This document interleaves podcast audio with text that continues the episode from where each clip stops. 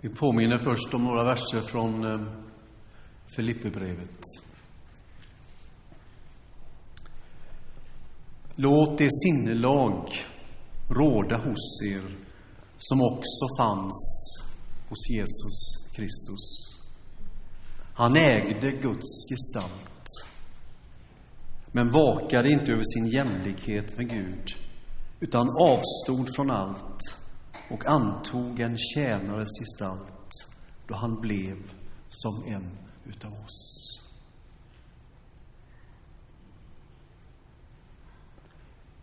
Vi säger det på nytt. Fastan har handlat om att avstå. Avstå för att ge tid för Gud och för våra medmänniskor. Att bli lik Kristus är Guds mening med våra liv.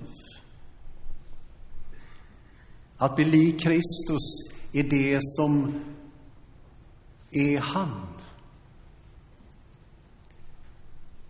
Och vi sa i tisdags att bli lik Kristus i hans tjänande. Och igår att bli lik Kristus i hans ödmjukhet. Ingenting som vi kan härma efter. Ingenting som vi kan försöka att eh, göra. Utan eh, när vi ser på Jesus. När vi ser vad han betyder för oss. När vi ser vilken kärlek han visar oss. När vi ser att Jesus ger oss så oerhört mycket utav värde.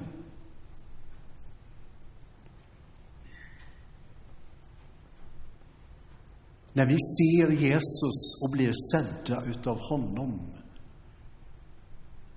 då vill vi. Då vill vi med hela vårt hjärta formas utav det som är Kristus.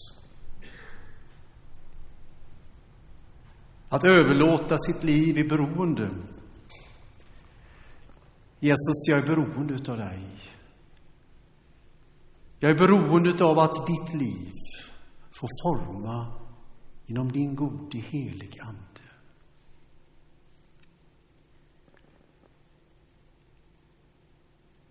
Att bli lik Kristus vidare är att bli lik Kristus i hans uppdrag. Liksom du har sänt mig till världen har jag sänt dem till världen. Frid åt er alla. Som Fadern har sänt mig, så sänder jag er.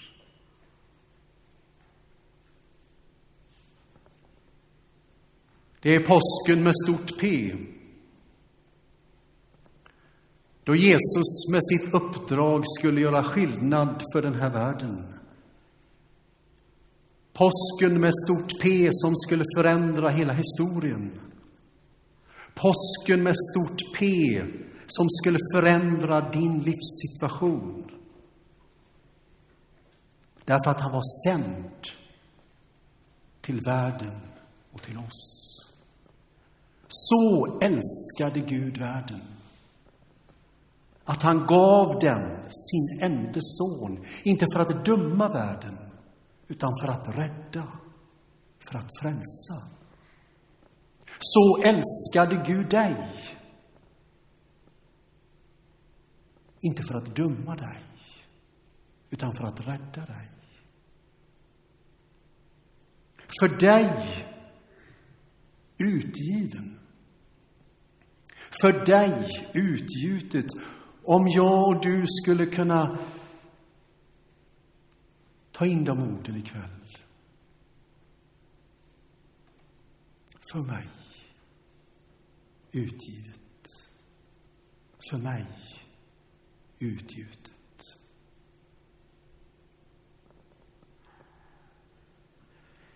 Jesus talar om att stunden hade kommit. En Gud med all sin vrede över ondskan och all galenskap och all djävulskap ska gå korsets väg. Ta skulden och lida för denna världen och för vår skull. Så kommer fariseer och överstepräster till Getsemane trädgård. Dessa som kan hela historien. De som vet vilket namn Gud sa till Mose. Säg, jag är. Och vad är det som händer i ett semane? Jo, ett trefaldigt jag är, säger Jesus Kristus. Jag är den ni söker. Jag säger det igen, jag är.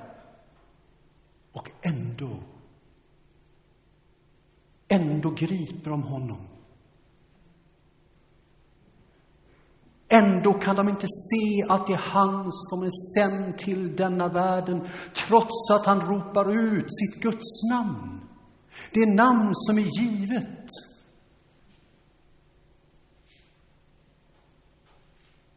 Ja, hade det varit bara soldaterna.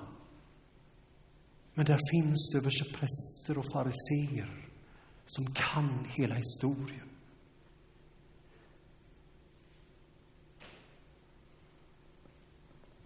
Han kunde ha kallat ner änglaskaror. Han kunde med sin makt ha sagt ge vika. Men han hade ett uppdrag för den här världen.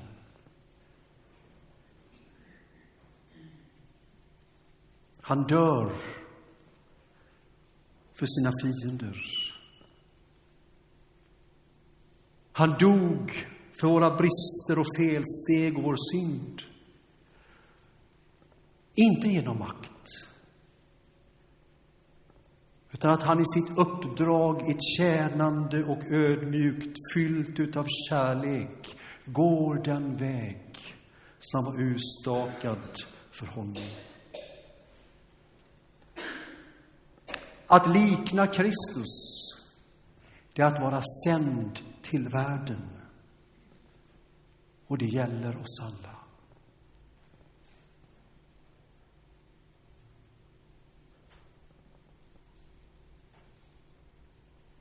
Det gäller oss alla.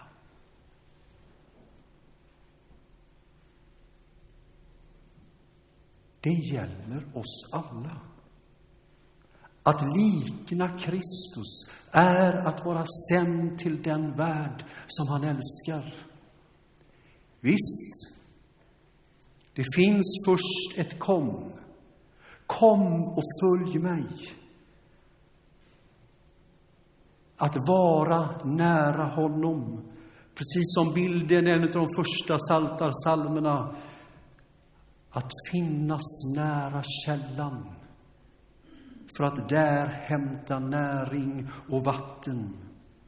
Det finns ett kom in i min närhet, i min närvaro. Men det följs av ett gå. Kom och gå. Och Jesus säger, jag ska vara med er. Och ni ska få kraft. Och ni ska inte vara ensamma. Utan jag ska sända hjälparen till er, den helige Ande, som ska vara med er, i er.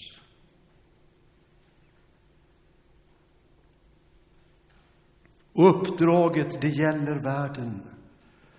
Att dela andra människors villkor, att Guds riket blir synligt, att Guds riket får kropp. Uppdraget kommer att se olika ut för oss, självfallet.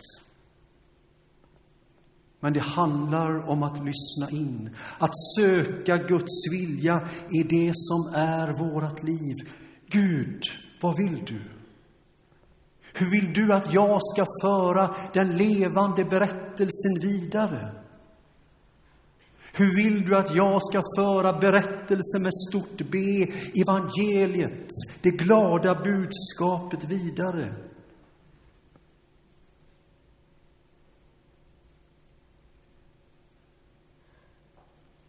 Det kanske kan få börja i det lilla. Att vi börjar att be Gud, visa mig någon som jag kan berätta för. Visa mig någon som jag kan gå vidare och följa här i livet för den stora berättelsen. Det kanske handlar om att du under den närmsta tiden ber Gud, visa mig någon som jag kan bjuda med till en alfakurs i höst.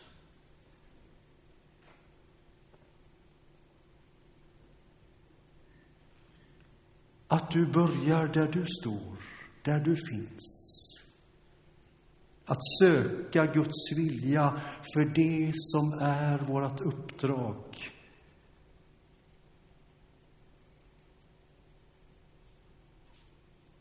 Och så ger Jesus nattvardens måltid ett förnyat innehåll. Han ger det en ny verklighet.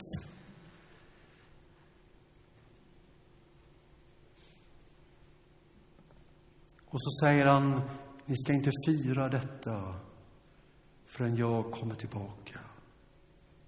Så ska han inte göra det.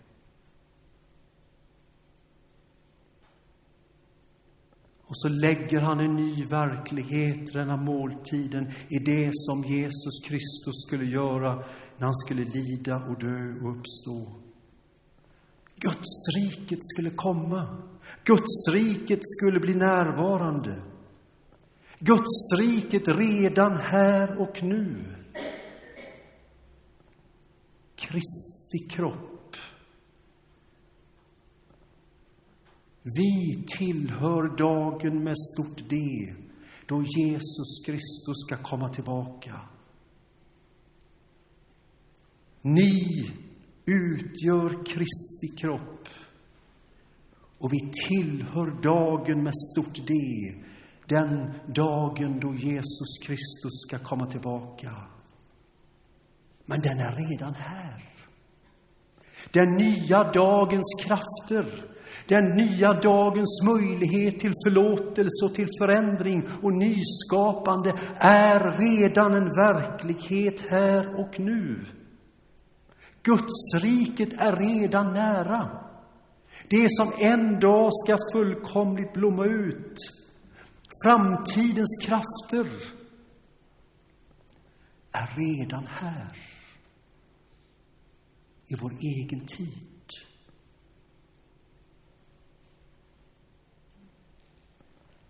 Inte fullt ut, inte helt synligt. Men Jesus säger med tydlighet, Guds riket är nära. Tro på mig. Framtidens krafter finns redan i våra händer. I hans närvaro i våra liv.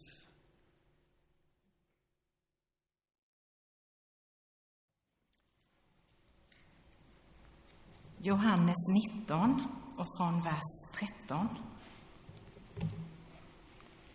När Pilatus hörde de orden lät han föra ut Jesus och satte sig på dom, domartribunen i den så kallade stengården, på hebreiska Gabata. Det var på förberedelsedagen före påsken vid sjätte timmen. Pilatus sade till judarna, här ser ni er kung. Då ropade de, bort med honom, korsfäst honom. Pilatus frågade, ska jag korsfästa er kung? Översteprästerna svarade, vi har ingen annan kung än kejsaren. Då utlämnade han Jesus åt dem till att korsfästas. De tog honom alltså med sig. Han bar själv sitt kors ut till den plats som kallas Skallen, på hebreiska Golgota. Där korsfäste de honom tillsammans med två andra, en på var sida med Jesus i mitten. Pilatus hade också låtit skriva ett anslag som sattes upp på korset och där stod Jesus från Nasaret, judarnas konung. Detta lästes av många judar eftersom platsen där Jesus korsfästes låg strax utanför staden och texten var på hebreiska, latin och grekiska. Men judarnas överstepräster sade till Pilatus Skriv inte judarnas konung, utan vad han själv har sagt, jag är judarnas konung. Pilatus svarade, vad jag har skrivit, det har jag skrivit. Soldaterna som hade korsfäst Jesus tog hans kläder och delade upp dem i fyra delar, en på varje soldat. De tog också långskjortan, men den hade inga sömmar utan var vävd i ett enda stycke. De sa därför till varandra, vi skär inte sönder den, utan kastar lott om vem som ska ha den. Ty skriftordet skulle uppfyllas.